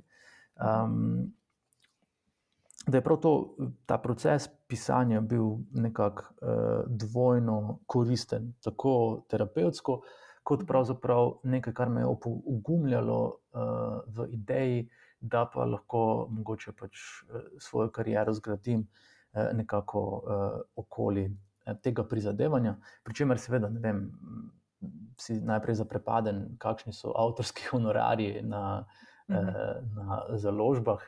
Uh, uh, kot tudi posledica, seveda, premika eh, pozornosti sodobne civilizacije v stran od te dragocene tehnologije, knjig, k mhm. zaslonskim eh, in veliko bolj vznemirljivim tehnologijam. Ne? Uh, in potem sem si rekel, da okay, pač naj knjiga čim bolj uh, dostopna, uh, poslovni model bom pa zgradil okoli predavanj, nastopov uh, uh -huh. in tega, kar je pravzaprav krasno uh, uzbrstelo, potem pa je pač prišla korona. No. Ampak smo zdaj to uh, tudi dobro preselili na uh, zaslonske uh, uh, tehnologije, če temu tako rečemo, mhm. in tudi v živo se, hvala Bogu, nekaj dogaja. Pravzaprav z tem ne, odločanjem, mislim, da ne da ne pozabim omeniti, vmes sem imel na tisoče drugih idej, ne, kaj bi delal, pa kaj bi še lahko počel. In pravzaprav sem veliko njih uh, sprobal, testiral. In tu se ne smemo omejevati. Ne. Tu pač uh, moramo res probati, probati, probati. probati ne. In mi smo slovenci navajeni, da če v prvem ne uspe, si drugega poskusa ne zaslužimo. Ne. In to je spet ta. Uh, pravzaprav zakrneli ostanek, pa niti ne zakrneli, ampak aktivni ostanek uh, naše pridnosti. Pro, mhm. probajmo s to stvari, in ena bo uh, zihar delala, in v eni se bomo našli. Bodimo pozorni na neka sporočila sveta, ki nam jih vedno uh, pravočasno uroči, in pustimo si možnost, da se lahko spremenimo. In predvsem, ko si ti v glavi dovoliš naslavljati sebe kot nekoga, hej, jaz pa uh, si zaslužim uspeh, zaslužim si. Uh, uh, živeti vem, bolj umirjeno, bolj uh, sočutno do sebe in, in še vedno uspešno. Pravzaprav tisto, kar je potem tvoja nova valuta, ki jo pa tudi moraš vsak dan peljati na fitness, ne? na ta mm. mentalni, možganski fitness. Ej, Aljoša, eno, kar sem uh, povedala, da se bomo mi dva pogovarjala za naslednjo epizodo podcasta, mm je eno od vprašanj, uh, ki je prišlo, je bilo namenjeno temu, uh, zakaj si nisi odločil uh, izdati knjige v samo založbi. Ja, mm, to je v bistvu dobro vprašanje. Uh, jaz sem uh, takrat v pogovoru z več založbami pravzaprav ugotovil, kolikšen je uh, delež, ki ga avtori na slovenskem trgu lahko uh, dobijo. Delež sicer je različen, ni pa to zelo visoko. Ponavadi, ko ga ljudem povem, so kar začudeni oziroma bolj zaprepadeni. In um, na, glede na projekcije mladinske knjige, takrat uh, ki so pač napovedali, da se ta tip knjig, kot sem jo napisal, jaz prodal okoli 2000 do 3000 izvodov, sem rekel, da, pač, okay, da je meni glavno, da je knjiga, kot sem rekel, čim bolj dostopna ljudem um, in da bom pač poslovni model zgradil okoli predavanj in da pol to lahko kakovostno uh, sobiva. Um, in um, je bil to pač pravzaprav nek moj zavesten vstop na, na, na ta trg, da ga spoznam, da vidim, kaj se dogaja. Uh, ker pač nikoli nisem bil uh, mnenja, da lahko kar skorakaš in dominiraš, ampak mhm. predvsem te okolje nauči, uh, kako se adaptirati, kako v bistvu uh, napredovati. Um, in potem je um, knjiga, seveda, doživela ne, velikanski uspeh, uh, zdaj jih je tisenih 15 tisoč. Eh, prva knjiga, mislim, druga knjiga, srečo, prosim, je, gre tudi v ponatisk, kar pomeni, da je bo kmalo 11 tisoč eh, izvodov, kar je za slovenski trg izjemno. In zagotovo bi pri teh številkah uh, v samo založbi ne, bil poslovni model zgrajen okoli knjige, ne pa okoli drugega. Um, je pa pač res, da ne vem, če bi uh, prvič uh, takrat v tistem obdobju zagotovo nisem imel dovolj energije, da bi se s tem ukvarjal. Uh, in drugič, pač vseeno se mi zdi, da imeti nekega kakovostnega partnerja, uh, ki ima takšne izkušnje, ki ima toliko znanja in kapacitet, uh, je lahko za avtorja uh, zelo koristno. In tako se oboji učimo eno mhm. drugega in pač napre, napredujemo v tej zavezi in uh, zavezništvu. Um, nisem pa izključil, seveda, še uh, tega, da, da ne bi uh, v bodoče tudi probal, mhm. kako drugače stvari zapeljati. Preizkusil sem se v uh, spletnih tečajih uh, in mhm. pravzaprav so to neke. Operacije, ki so vse v beta fazi, kjer testiram trg, gledam, kaj mi pa še, kaj mi je fajn ustvarjati. Uh, uh, in kako pač pravzaprav ta svet uh, deluje. In jaz sem po prepričanju res pripovedovalec zgodb, in v tem sodobnem digitalnem svetu me pravzaprav moti, da je vse zelo nasilno, vse je potencirano z čim več vložki v oglaševanje, ki pa je pravzaprav veliko krat zelo banalno. No, ne bom rekel, da je vulgarno, ampak kupi me, kupi me, kupi me, kupi me, ker jaz sem to in to in to, kupi me, kupi me, kupi me. Uh, In uh, tako me to vse spomni na eno anegdoto iz uh, gimnazije, ko pač sem eno sošolko vprašal uh, na eni točki, ne, ko smo nekaj zavali, hej, oprosti, zakaj si se poljubljala z unim tipom. Uh, in kar je reklo, mi je bilo res uh, noro. Pač jim je tako dolgo težil. Zdi se mi, da je to skoraj dan današnji, ne vem, Facebook uh, marketing, da moraš tako dolgo težiti, da te pač nekdo, uh, nekdo kupi. Uh, ki mi ni v sozvočju z, z tem, kako bi želel uh, mogoče kakšne stvari uh, speljati. To zdaj govorim predvsem o, uh, o tem področju vem, spletnih tečajev, coachinga, uh mhm. nečesa, kar bi pač lahko bila že moja zelo uspešna operacija tudi v tujini. Ampak uh sem mhm. res tako počasen. Uh, Zadržan, kot pravim. Glavno mi je, da sem večino časa v alfa stanju, to je kreativnost, vse ostalo je pa v beta fazi, ne? to je pa pač neka startup logika. Ej, veš kaj, malo bom, mal bom šla nazaj, ker ena stvar moram jaz dodati, le, ker se mi zdi, da ljudje morda tega ne, ne, ne, ne, ne poznajo tega čistko koncepta. Tako ful romantično je slišati, da je nekdo knjigo iz, napisal in izdal. Ja. Ampak, uh, pa preden gremo v to, bom sam tako uh, poslušalkam pa poslušalcem povedala, da v zapisu epizode bosta vnešena oba linka do obeh knjig, se pravi, kako izgoreti in srečo, prosim, to je nova knjiga Aljoše, ki je prišla v koncu lanskega leta, in tudi link do tvojega tečaja. Um, tako da to, plus ali še samo, da ne pozabva, uh, da imaš tudi dogodke, se jih bova še omenila, ne, zdaj proti koncu meseca, so, so še na, na sporedu. Uh, ja, zaenkrat uh, za je vse še ok. Um, okay. V, v torek je to Špas teater, uh mhm. -huh. v Mengšu, moje predavanje, kako biti v redu. Sem to itak, ni razprodano. Uh, mislim, da so še, še tri stopnice na voljo. A tri, ok. Mogoče v petek ne bojo več, ampak okay, se bo še ponovil. Ne, veš, kaj sem hotel nazaj se knjigam vrniti, ker si omenil te številke. Uh, jaz sem tudi tako, nikoli nisem si predstavljala na slovenskem trgu, slovenski avtor, kaj to pomeni, kakšne številke lahko dosega. In sem se pogovarjala uh, zdaj le parkrat že z Mihom Macinjem, ki je po mojem eden od najbolj kreativnih in uspešnih in proda ja, prodajenih avtorjev, ampak ne ker on meni rekel, da so naprimer nove slovenske knjige, ki pridejo ven tudi po 300 izvodov, da se jih natisne, mm. sem jaz čist frapirana. Mm. In to, kar si ti zdaj omenil, pa ok, vse številke so eno, ostalo, mislim, so pomenili tudi druge stvari, ampak ne glede na to, ljudje se ne zavedamo, da to, da en avtor proda več tisoč kopij knjige in da gre v ponatisku, kot je še tvoja prva knjiga, mislim, da petkrat ali šestkrat. Ne, Uh, ja, in da imaš zdaj novo knjigo zunaj, koliko, dva, dobra dva meseca mhm. in je prodana v več kot deset tisoč izvodov. Mislim, to je, ne vem, no, kapo dol. In bom, bom rekla eno stvar, ki sem te hotela vprašati dejansko. No, da ti po več desetletnem delu v oglaševanju in v mhm. komuniciranju in si, rečemo, izkušen maček na tem področju, verjetno, verjetno uh, ne vem, koliko stvari sam tudi urediš in si uh, medijsko prisoten in narediš svojo kampanjo, ali ti to narediš založba, ampak jaz mislim, da si tudi tukaj ti ta. Uh, gonilna sila, ki to dela, ne, se mi zdi, da si tole res, mislim, kapo dolno, res, jaz sploh ne znam povedati. To, sem bila čist frapirana, že ko sem, uh, sem dobila na mik, koliko knjig ne bi šlo v prvi ponad, in sem bila čist šokirana. Tako da, veš, res. Hvala, um, hvala. Ne, pa tudi to, no, še ena stvar, ki se mi zdi tudi ful pomembno. In jaz sem to pri tvoji prvi knjigi videla, um, da je bila želja in pripravljenost bralcev po tej tematiki tako močna, da sem tudi jaz to mhm. knjigo, po mojem, sem jih kupila enih deset, sigurno, da sem jih dala za darila. Ne, res, nekaj, kar se mi zdi prvič, veš, eno je, da kupaš, pa podpreš avtorje, drugič je bila pa taka sporočilnost, konec koncev. Jaz sem imela par ljudi, ki so se v tistem obdobju soočali s to problematiko, nekateri, mogoče še niti niso čisto dobro vedeli, bo, bo šli v to smer, ne, izgorelosti ali ne, ampak se mi je že kar mal zdel, da mogoče jim bo pa tole koristilo yeah, ja, prebrati. Yeah. Ja. In, sem, in, in čisto vsi so bili zelo hvaležni, da so to dobili. Um, yeah. Ja, tako da, ja.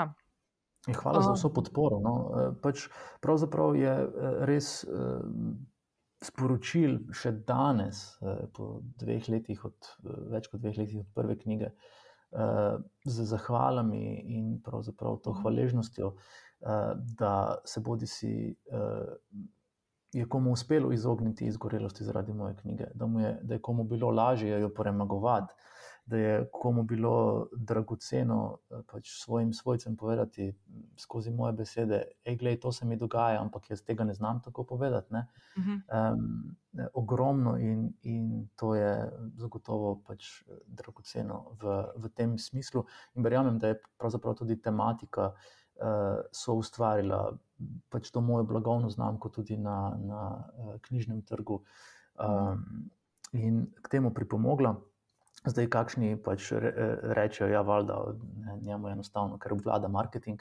In pač moram reči, da eh, ga obvladam in res mi je to organsko početi, ampak pravzaprav uh, je ne vem, neka predanost, iskrenost, iskrivost, tudi dobro partnerstvo. To sem zdaj omenil, mladinsko knjigo, tisto, ki najprej lahko ustvari temelje, potem pa naprej moraš tudi trdo delati in, in garati. Prvo je to, seveda, kakovostno pisanje, um, drugo je pa pač tudi uh, neka, uh, pa kaj pa vem, no, uh, strategija, uh, da pravzaprav. Um, Razumeš okolje, razumeš situacijo, to, kar sem prej govoril, in to, kar si ti izpostavljal. Ne, glej, ne vem, slovenski klasiki imajo naklado 500 izvodov, ne, -huh. uh, da pač razumeš, kaj je potrebno, kaj tudi mora založba, pravzaprav uh, ne, z tolikšnim številom ljudi, vsak dan, vsak teden, vsak mesec vložiti v to, da pač knjige še vedno nastajajo, da ljudje še vedno posegajo po njih. In v mhm. mojem primeru je tudi veliko, ali pa pri knjigah nasplošno, krožne ekonomije, ker pač knjiga kroži. Ne, mhm. Mojo knjigo, ko smo malo pač poskušali dobiti podatke, uh, spravi eno knjigo, okoli pet ljudi prebere. Ne? Tako da mhm. je prebrano še veliko krat uh, več, kot je tudi uh, prodana. In, in to je pravzaprav nekaj, uh, za kar sem res lahko uh, hvaležen.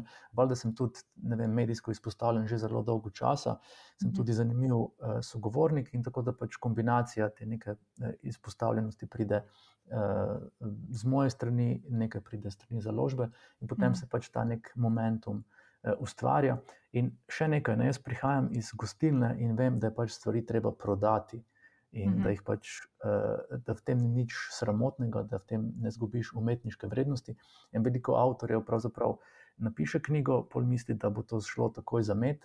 Uh, mm -hmm. uh, pol jih je pa še nekako malo sram, da bi se morali, ne, nekako, da bi morali kompromitirati svoj umetniški mm -hmm. izraz. Zatem, da bi se aktivno uh, vključili v samo uh, prodajo ali pa pač na nek mhm. takšen način, kar bi se mogoče marsikateremu avtorju zdelo, da tega pa jaz nikoli ne bi počel tako, kot to mm -hmm. počne ne vem ali oš. Ampak treba pač je, ne? nič ni samo umevno, nič ne pride kar čez noč. Mm -hmm.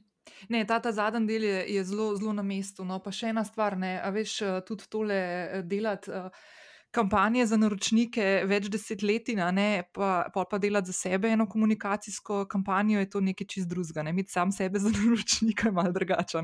Ja, veliko enostavneje je no, v resnici. Uh mhm. -huh. Zato lahko zdaj oglaševanje v oglaševalski penziji delam samo zase.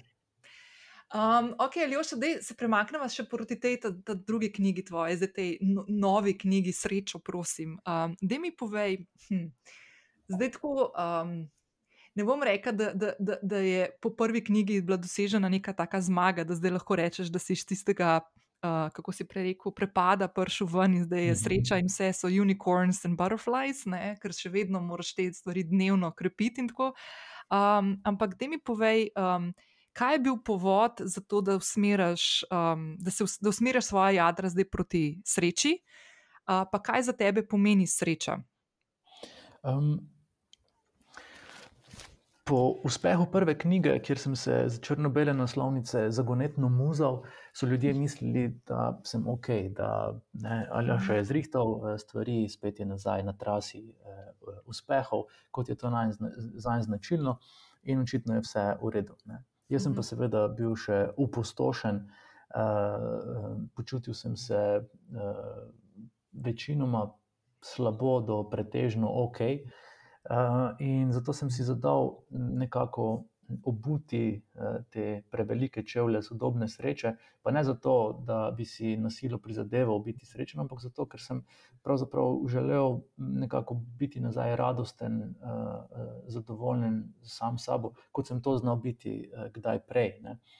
In um, zato je sreča kot taka, kot tema, pravzaprav zniknila spet uh, sama po sebi in ni uh, zgolj nek marketinški manever, neka vaba, vsebinska, ki pač je zagotovo uh, ne sreča kot taka.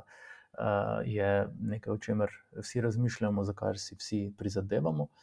Um, in ko sem šel pogooglati, kako biti, sem si rekel, da mi bo algoritem pač uh, najprej ponudil srečen, ker je to zagotovo največje število iskanj uh, v zvezi z uh, ključnimi besedami, kako biti. In res je na prvem mestu bilo, kako biti uh, srečen. In potem sem ugotovil, ja, da sreča je neka uh, osnovna valuta sodobnosti, uh, kot tudi to, da v bistvu ljudje ne, z Googlanjem želimo priti do nekih načrtov, zagotovil, eh, do, do eh, nekih eh, hitrih pripomočkov, kako živeti svoje življenje. Ne? Mhm. In zato sem želel nekako razčistiti še uh, z tem in, in pravzaprav pogledati, kaj je mehanizem, psihološki mehanizem, vzgojni mehanizem, ki tiči za našimi nasmehi, ki jih pravzaprav danes uh, tudi prevajamo v recimo družbeno-medijske uspehe. Ne? Uh, naši možgani so se naučili, da nas algoritem družbenih omrežij bolj nagradi z všečki, komentarji novimi sledilci, če se upodabljamo na smejani, srečni in uspešni. Ne? In tako nas pravzaprav možgani že uh, hočejo pretentati. Da dobijo čim več te možganske bombonjerice, dopamina, ne? Uh, in uh, zato pravzaprav neka sodobna okolja, uh, neki resnični sreči, uh, niso neposredno naklonjena. No? Uh, potem pa je tu še zraven vse, kar sem že prej omenil. Ne? Naša vzgoja, naša bolečina iz preteklosti, naša neraščiščenost in predvsem, kar sem tudi sam uh, veliko, uh, s čimer sem se veliko ukvarjal, in to je naša temna stran, naša senca, uh, ki jo pač vsi imamo, ki je del nas ampak jo pač zaradi tudi pridnosti, ne, ker moramo biti samo krepostni in sjajni, tiščimo stran in zato, ker je eh, potlačena, zanemarjena in odrinjena, nam sabotira naše uspehe, nam kvari naše življenje, nam povzroča tegobe in senco svojo pravzaprav najlažje ozremo eh, tam, kjer nas, eh, kaj nas pri nekom drugem najbolj moti, ne, skozi nek mehanizem projekcij. In tako je pač to obdobje okrevanja v izgorelosti, prvi del, ne, zaznamovalo to moje soočenje z senčno stranjo, da sem si dovolil neke stvari, ki pač v naši družini niso bile dovoljene. Ne? Recimo, ne mhm. vem, dopust, počitek, uh, sprostitev. Ne? To pač je bilo ok, ko je bilo v ponedeljek zaprto, smo se morali na silo sprostiti, ali pa se še bolj skrivati. Uh, dobro, to zdaj ne vedno, ne? ampak tako dalje in tako naprej. Ne? In vsak izmed nas ima prav te prepovedane vsebine, ki nam potem najbolj na živce grejo pri nekom drugem. Ne. Jaz sem ne vem, prišel študirati v Ljubljano in so mi šli ful na živce ti uživači, ne, da sedijo po kafičih, pa se nekaj pogovarjajo. Ne. Zakaj ne delajo, zakaj niso to, zakaj niso ono. Mm. In potem nekaj, kar misliš, da je tvoja zdrava ambicioznost, ima pravzaprav ne, veliko, veliko neke um, obteženosti z neko neraščiščenostjo in nepoznavanjem neke naše arhitekture, osnovne arhitekture, našega jaza, naše psihologije in naše, našega notranjega sveta, ki je pravzaprav veliko bolj pester, eh, kot se zdi na prvi pogled, in eh, zaradi neurejenosti notranjega sveta. Potem trpimo v eh, zunanjem svetu. No. Tako da s temi nekimi osnovnimi eh, parametri eh, sem eh, si zadal obračunavati, in, in zdi se mi, da je, da je eh, fajn izpadlo. Mm. Ja, to, ko si omenil, da uh, v sodobnem svetu, ki iščemo tiste tri korake do sreče, ali pa deset orodij, ki ti bodo ja. pomagali ja. zaživeti srečno. Moram priznati, da sem tudi jaz doskrat v to padla, noter v ta loophole. Ampak um, ena stvar, ki me, um, me zanima, zdaj, uh, zdaj, ko si se ukvarjal s srečo ne, uh, in raziskovanjem, tudi senc in tako naprej, ampak a, a si ti tukaj. Um, ne bom rekel, da je bilo lažje, no? ker uh, tematika izgorelosti, kot neka v navednicah temačna, temačna stran, tudi knjigo si omenil, da je bila naslovnica temna, črna in tako dalje. Jaz te tako nasmejam, ne vem, kdaj sem videl. tako res dobro. Ja. Dobro, dobro ja. je tudi Browničar dobro naredil to fotko. Uh, ampak, ej, veš, kako uh, naprimer ti je bilo, uh, a ti je bilo težko se ukvarjati s to tematiko sreče, kot si omenil, ljudje smo fulbal nagnjeni k temu, da nas te negativne Eh, in informacije, in, in te vse te zgibi bistveno bolj povlečajo noter v, v, v ali zgodbo, ali reakcijo, in tako naprej, kot neke srečne ja, stvari. In ja, to danes, ja. naprimer, reči, naprimer. Sploh v naši družbi, ki rečeš, ko sem se to doskrat zalotila, da sem prav, prav testirala, sem, sem rekla, kako pa si, jaz super sem. Ja, ja. Ljudje kratko malo zaprepadeno pogledajo, če noč ne ja, pojamraš zraven. Kaj se pa ti greš? ja, ja, ja, kdo pa ti misliš, da si. Ampak tako, si tako opazil, si imel, si imel tako izzive s to tematiko, ali ti je šla lahkotno? Uh, jaz pravzaprav nočem, če grejo stvari lahkotno.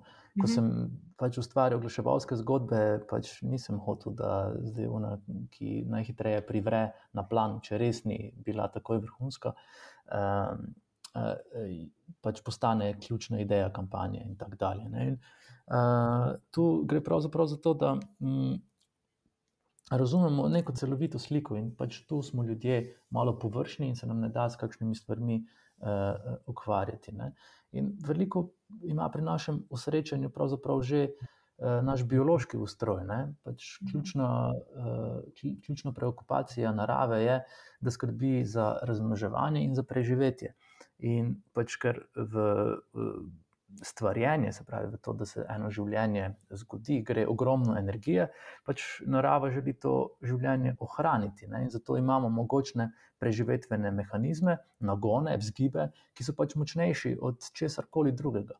In tako naši možgani iz okolja prvenstveno črpajo negativne informacije, ker so te za naše preživetje bolj pomembne. Ne? Kar pomeni, da smo že predprogramirani, da pravzaprav iz okolja črpamo negativno. Ne?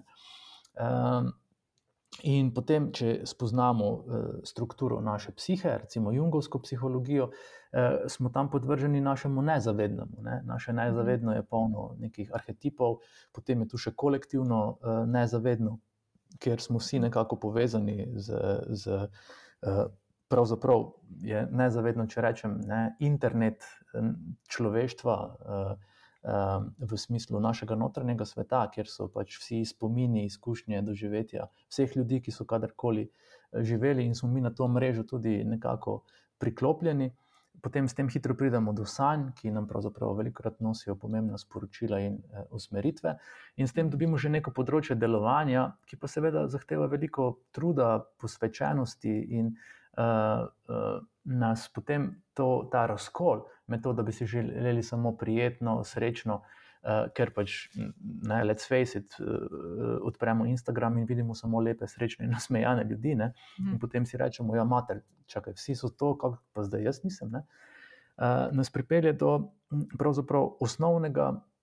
Onesrečenja tega sodobnega časa, uh mhm. da si pač več ne pred očmi ne naslikamo te podobe Jina in Janga, ker je življenje nenehno podvrženo eh, pač tem nasprotjem. Spravi, stvari so dobre in pač so tudi neobhodno, nažalost, slabe. Ne? In temu se mhm. težko izognemo. Vse, kar je v naših rokah, je pravzaprav odnos do tega. Ne? In ko razumemo, kako stvari potekajo in smo s tem sprijaznjeni in vemo, da te stvari lahko spremenim na bolje.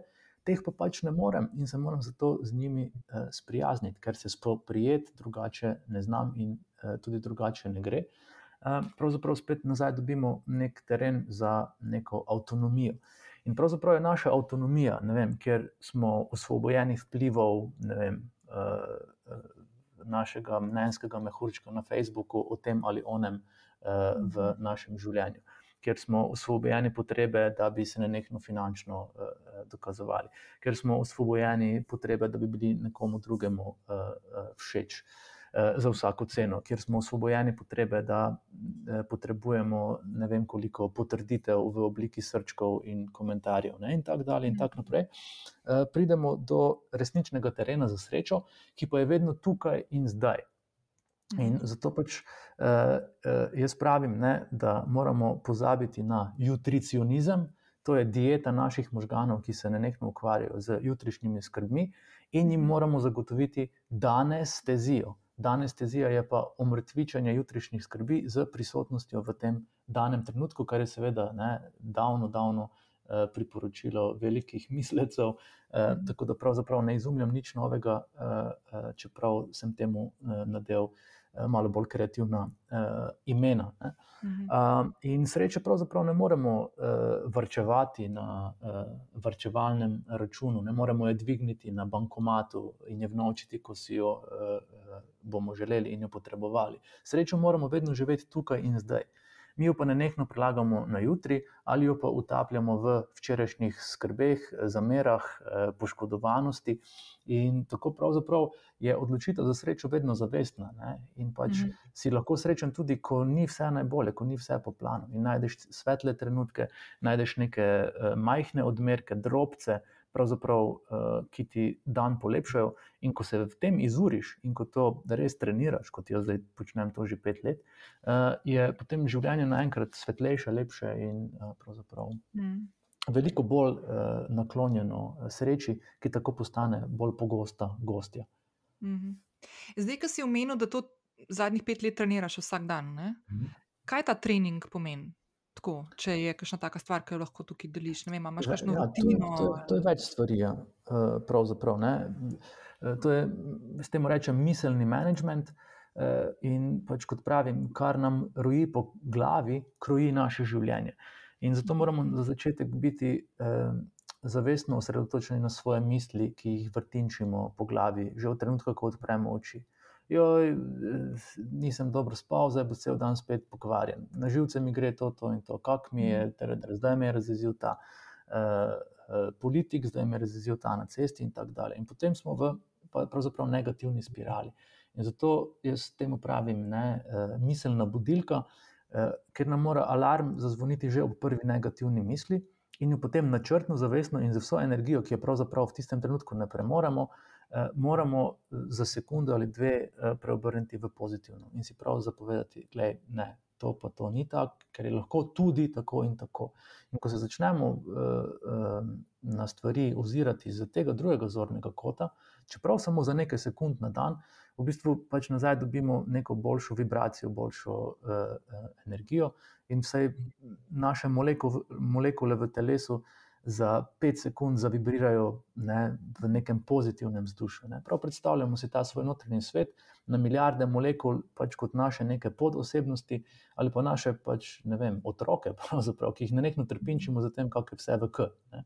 Mhm. In zato te, recimo, miselni management. Um, to zavestno urjenje v, v boljšem razmišljanju, seveda, veliko pripomore. Potem, ko naletimo na negativne, neprijetne eh, misli in seveda zaradi tega tudi občutja, eh, si jih pa vseeno dovolimo zdravo. Ne? Se pravi, mhm. ko smo razočarani, si dovolimo biti pač zdravo razočarani nekaj časa. Ko smo jezni, bodimo zdravo jezni, tako da pač ne poškodujemo nikogar drugega in sebe, ampak jezo zdravo izrazimo. Ne? In tudi to je ključna ovira sodobni sreči, eh, da pravzaprav ne nehno eh, eh, želimo biti radostni, veseli, zadovoljni in nekako blagoslovljeni zgolj z prijetnimi čustvi. Mhm. Ampak to ni mogoče, zato ker pač nas je psihoevolucija opremila z ogromnim številom čustev, ki jih pač moramo vse zdravo izraziti, če želimo imeti z svetom dober odnos in za sabo, in za drugimi tudi. Ne? In zato mhm. pač uh, ne tiščati jeze dol in se pretvarjati, da si srečen. Ne, ko si mhm. jezen, bodi zdravo jezen. Ne, ne tako, da mečeš eh, stvari po stanovanju, ampak pač znaš jezo izraziti na, na boljši, bolj produktiven eh, način. Rečeš, -hmm. uf, to pa ni li glasba za moja ušesa, to, kar govoriš, draga moja, eh, ne, da je pa mm -hmm. najti tu to in to in to. In to mm -hmm. Ali pa rečeš, mater, to me je pa zdaj res potrlo in razočaralo. razočaralo. In si pustiš pač tistih 50 minut, da, da to zdravo izraziš, in eh, ne tlačiš tega v neko, neko zakotja nezavednega, ker potem te energije zgolj kopičijo svojo moč in nam potem življenje prihromijo z neko sabotirajočo energijo, ki nam pa res lahko naredi veliko štaleno. Mm. Um, tako da to je pravzaprav to. Eh, potem pa moramo si dovoliti svojo kreativnost, to je pa še tretji in zadnji na svet, eh, ker pač jaz s tem svojim kreativnim evangelijem pravim, da je vsak izmed nas neverjetno kreativen, ampak je mhm. kreativnost pravzaprav eh, prepovedana, demonizirana, zato ker zahteva spremembe, zato ker povečuje teritorij za delanje napak. Uh, in tudi v našem prejšnjem režimu pač ni bilo glih prav, če si preveč štrlev nad povprečje. In uh, zato si jo pač moramo spet dovoliti in si uh, pač dovoliti stik z njo, z ustvarjanjem na katerem koli področju. Ne? V oglaševanju, v modi, v založništvu so v preteklem stoletju kreativnost monopolizirali in zato veliko ljudi reče: Jaz pa že nisem vem, modni oblikovalec ali pa kreativni direktor ali pa to. Ne?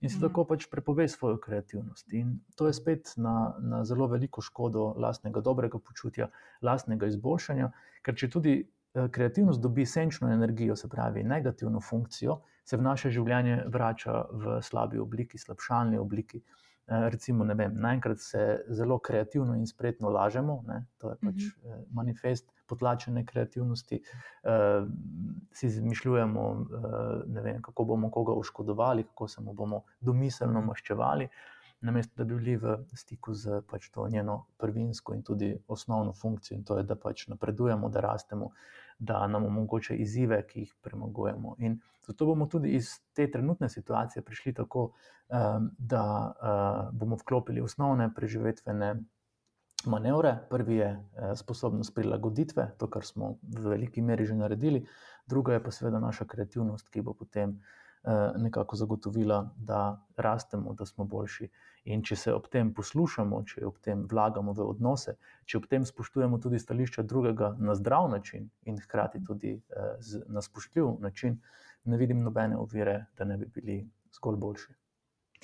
To si dal zdaj ful dobro istočnico zadnji stvari, ki sem te jo hotela tako vprašati, preden greva v tisti zadnji del, uh, kaj v življenju, ka, ka, kakšne stvari, ki priporočaš, kakšne knjige, podcaste, filme, serije. Pa tako sem te hotela vprašati o tem, pa si zdaj ful dobro nastavil o komuniciranju, oziroma biti boljši, ko smo enkrat zadovoljni sami s seboj in v sebi, in ko imamo nek dober, dobro zgrajen odnos sami s sabo.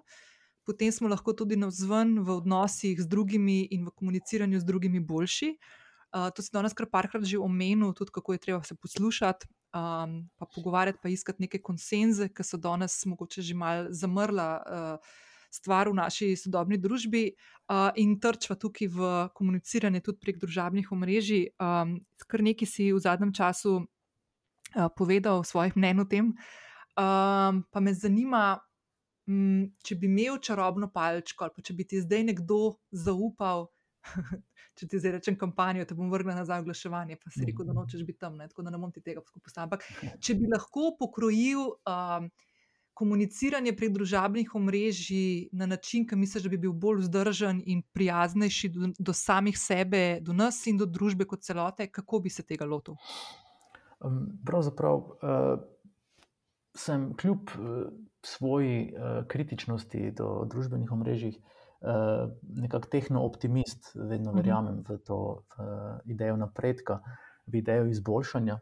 In pravzaprav družbene omrežje niso nič posebnega um, izpostavile, česar o samih sebi še ne bi vedeli, so pa to mhm. zgolj priklopile na steroide. Ne? In tako smo dobili mhm. sovražni govor, eh, cyber nasilje, eh, posledice tega so samo poškodovanje, depresije, samo morilnost med mladimi in tako dalje, kar je seveda grozljivo. Mhm.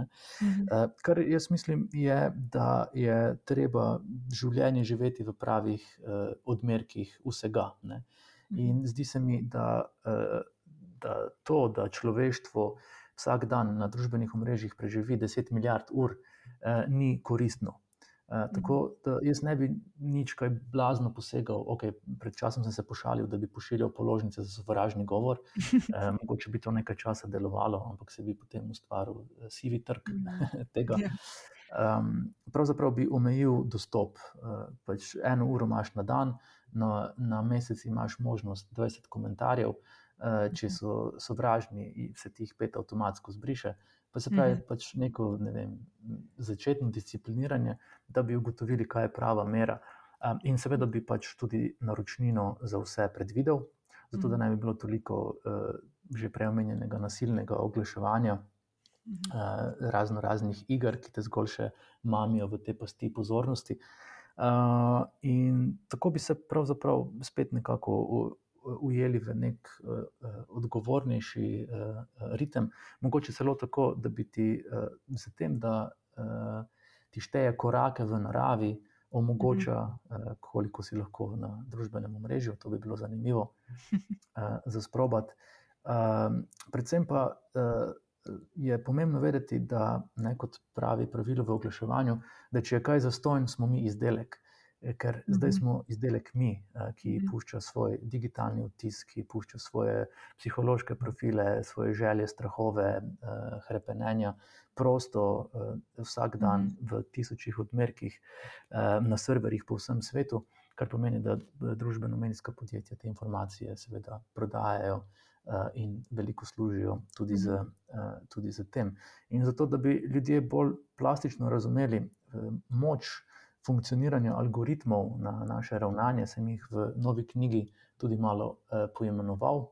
Mhm. Pravim, da je Instagram eh, razkazovalnik, eh, Twitter razjezilnik, eh, Facebook razdvojevalnik, eh, Tinder pa razmnoževalnik.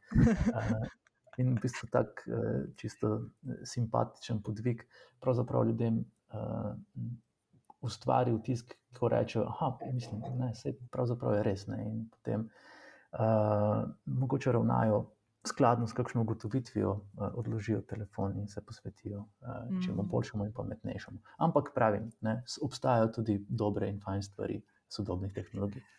Absolutno. Le, zdaj, ki si, veš, kaj sem zdaj pomislila, še eno vprašanje na to temo ti bom dala, pa, če, če ga boš hotel odgovoriti. Ampak ti imaš hčerko, ki je zdaj že v šoli. Ja, tretji razred. Uh, tretji razred. Okay.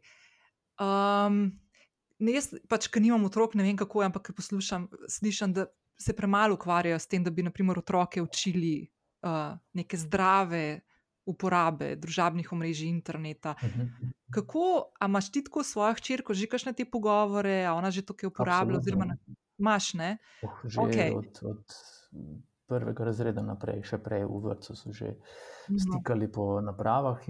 Pravzaprav imamo dogovor, eh, da ima lahko vem, 15 minut eh, na dan. Mhm. da pa ima ob tem tudi normalno odgovornosti do družine, kjer si pač pomagamo, kjer, si pomagamo, mm. kjer pomagamo tudi stvari pospraviti, mm -hmm. uh, kjer sprehajamo psa, kjer pač uh, um, si prizadevamo tudi za to, da uh, se imamo dobro, da, da imamo čas zase, da, da uh, ustvarjamo, so ustvarjamo. In to so pač nek, neke vrste uh, uzakonjene stvari, -hmm. ne kot uklesane v kamen, ampak to, da se pač vsi zavedamo, kaj družina uh, pomeni. In uh, potem je pač veliko lažje. Ko pretirava, mhm. jaz začnem govoriti, samo rečem, pač skisani možgani. Pač uh -huh. poved, povedal sem jim, kaj se prekomerno, pri prekomerni uporabi tehnologij uh, zgodi. In potem -huh. se naj samo odloči in pač reče, želiš skisane možgane in pol, da je no nekaj pač odloži eh, eh, telefon. Potem pogledam, kere igrice so kul, cool, recimo tam, ki treba kaj izračunati, ali pa so kakšni logični izzivi, in tiste igrava skupaj, in recimo njej so tiste super. Ne? Hkrati pa ne zatiram te neke osnovne potrebe, po, ne vem, ali da se ji všeč kakšne stvari, ki so bolj uh, punčkaste narave, uh, ali da pač. Um, Uh, najde tudi kaj, uh, kar je mogoče njeni starosti neprimerno, in pol uh, uh, se o tistem pogovorimo. Tako da mhm. pač ustvariti neko sterilno okolje ni prav, je pa treba mhm. pač biti nenehno aktivno angažiran, da uh, prepreči škodo, ker dostop do veliko spornih uh, vsebin in predvsem ta ideja vzgoje, uh, da je otroku telefon, da bo dal mir, uh, pravzaprav ne. Ne zagotavlja kakovostnih rezultatov. No. Uh, in najbolj me je pravzaprav strah no, te ideje, ki je imel Zuckerberg, uh, Instagram za otroke, uh, ker pravzaprav za načini delovanja, in tako zdaj je pozornost se že ful uh, krajša, potem v šoli niso sposobni prebrati ene strani, kaj šele ne vem, berila.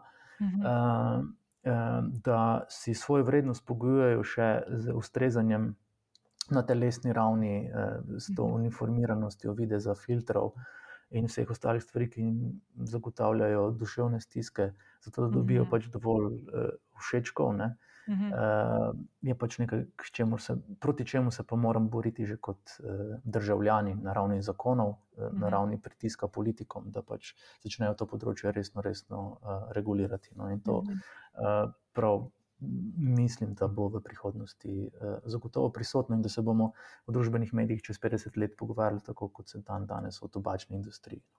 Mm -hmm. Top, the best. Um, ok, čez za konec te bom vprašala, um, kje, kje v življenju pa pri delu najdeš navdih, pa na kaj si najbolj ponosen? uh, enostavno vprašanje. Uh, okay. Pravzaprav je navdih, ne, kot sem se uh, pošalil v prejšnji karieri, nekaj, kar je bilo zapisano v moj job description uh, mm -hmm. in se s tem nisem nikoli pretirano uh, obremenjeval. Sem pa kasneje ugotovil, da pač seveda mora biš, moraš biti v stiku z svojimi vrednotami, uh, z, v stiku z svojo kreativnostjo in potem navdih pravzaprav pride uh, sam od sebe. Tako da ključni mandat za navdih je to, da si dovolimo svojo kreativnost, da dovolimo sebe, ne, kot zapišemo v knjigi, dovoli se um, in uh, to svojo edinstveno začnemo uh, nositi uh, na rokavu. Um, kar se pa tiče um, tega, na kaj sem najbolj ponosen, je pa to pravzaprav uh, dobro vprašanje, ki si ga bom mogoče zdaj nekaj časa uh, zastavljal vsak dan in rekel, na kaj sem pa ponosen danes. Uh, -hmm. Ta trajni ponos je zagotovo pač nekaj, kar bo neke vrste inventura eh, na koncu našega življenja. Zagotovo sem ponosen na svojo kreativno zapuščino v oglaševalski industriji, v slovenskem oglaševalskem okolju. Ponosen sem na svoji obe eh, knjigi. Ponosen sem na svojo družino, na Sofijo in Ivo, čeprav to je malo pokroviteljsko, da rečeš, da si ponosen na svojo ženo, mm. ker je pač krasna uh, ustvarjalka in tako dalje. Ampak ne, ponosen sem na to, da pač sem dovolj dober človek, da sem z njo ne, v -hmm. tem smislu in da se razumeva, da poskušava premagovati ovire, ki pravzaprav pridejo. In ponosen sem, da vztrajam v tej neki svoji rasti, trmi in za priseženosti uspehu. In čeprav kdaj nisem ponosen, ko mi ne uspe, ko pač sem zatežen, godrnjav in zoporen, ne, uh -huh. uh, se pač spomnim, da okay, je malo pobrskaj po svoji senci in uh, ugotovi, kaj te tam tišči. Uh, in je dovolj na plano, na zdrav način. In potem uh, je ideja učenja uh, tista, ki te vodi skozi življenje in to, da si večen učenec. Je, uh, upam, da tisto, na kar bom ponosen na koncu svojega življenja, da sem bil večen učenec. Ful dobro, ful dobro. Um, ok, da mi povej, uh, kakšno knjigo, podcast, film, serijo, kaj je tazga, kar si v zadnjem času kaj videl ali pa prebral, pa da bi mogoče podelil. Um, glede na to, da moj laptop pravi 3%, baterija bo uh, ekspeditivna. okay. uh, jaz berem veliko knjig, uh, hkrati od uh, duhovnih, poslovnih, psiholoških, um, in tako pač imam na nočni omarci veliko stvari uh, v tem trenutku. Um, in ena izmed takšnih uh, je zagotovo. Um, Knjiga Roberta A. Johnsona, Eh, psihologa, uh, ki, je, ki ima naslov Owning Your Own Shadow, ki pravzaprav govori o tem, kako svojo senco priključiti v življenje mm. kot zaveznika. Potem, kar se televizijskega izbora tiče, sem zaprisežen Seinfeldu. Uh, mm -hmm. In Francom, zato ker pač so mi no-brainerji za ob koncu dne. Mm -hmm. Zelo rad imam pa dokumentarce, se pravi uh, biografije.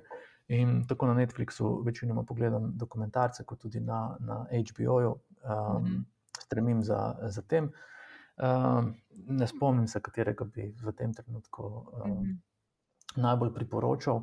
Uh, ostalo pa je pač glasba, ki mi vedno zapolni, ali tako, da jo sam ustvarjam, uh, igram, uh, se hecam. Eh, ali pa da pač eh, priklopim eh, nekaj iz preteklosti, iz našega časa, Granja, se pravi Pearl Jam in podobni. Zdaj sem veliko vrtel Adele, ki mi je bila ta izpovedno zelo zanimiva, potem pa za Sofijo, seveda, nikakor ne smejo opustiti kakšnih hitov sodobnih ampak to zdaj niti niso priporočila, ampak že moje navade. Uh, podcastov uh, poslušam uh, kakšnega tvojega, potem poslušam kakšnega uh, uh, od uh, Aide. Uh, in potem, če imam res kakšno dolgo pot na drugo stran uh, uh, Slovenije, si dam, zadam še kakšno audio knjigo. Um, zdaj pa sem večinoma poslušal tudi svojo prvo knjigo, uh, ker sem iskal morebitne napake, ker bo kmalo išla tudi kot audio, v audio A, različici. No. Tako da bil sem malo bolj skop uh, eh, z tem delom. Um, z veseljem pa še kaj na tipkam. Oziroma, ne, ne, super. Ej, Aljoša, sam, to te bom še probala, preden ti zmanjka baterije. Ja, to, okay, se gre počasi. Ne, to audio, audio knjigo, ki bo prišla ven, tvoja prva, a si jo ti bral? Eh, ne, bral je uh, igralec Primo Špirnat, uh, krasno jo je prebral. Um, je pa bila tudi ideja, da bi jo jaz sam časovno mi nekako ni uh, zneslo. Okay. To zadevno se lotevam enega drugega uh, projekta. Aha. No, super. Ok, Aljoša, dej, te bom pustila, ful sva bila izčrpna. Najlepša hvala, ker si si vzel čas in poklepetal z mano. In, um, Ja, noč, lej, jaz bom dala v link vse tvoje, ki te lahko spremljajo, poslušalke in poslušalci, do tvojih obeh knjig, do spletnega tečaja, do dogodkov, ki jih napoveduješ v prihodnjih tednih, mesecih, letih. Tudi, Tako da, ful, ful, hvala za, tvoj, za to, kar si vse danes povedal. Draga Nina, hvala tebi za povabilo, za krasno kremljanje, ki upam, da bo. Uh, uh, V redu, tudi poslušalkam in poslušalcem, hvala za vso podporo vse dobro tudi tebi in uh, krasno sva tempirala tudi uh, zmogljivosti moje baterije. Uh, svoje sem si pa zelo napolnil, tako da hvala. Super, hvala ti, ful. Lepo bodi pa veliko, veliko lepih trenutkov v prihodnje. Hvala enako tudi vsem ostalim. Čau, čau. Čau.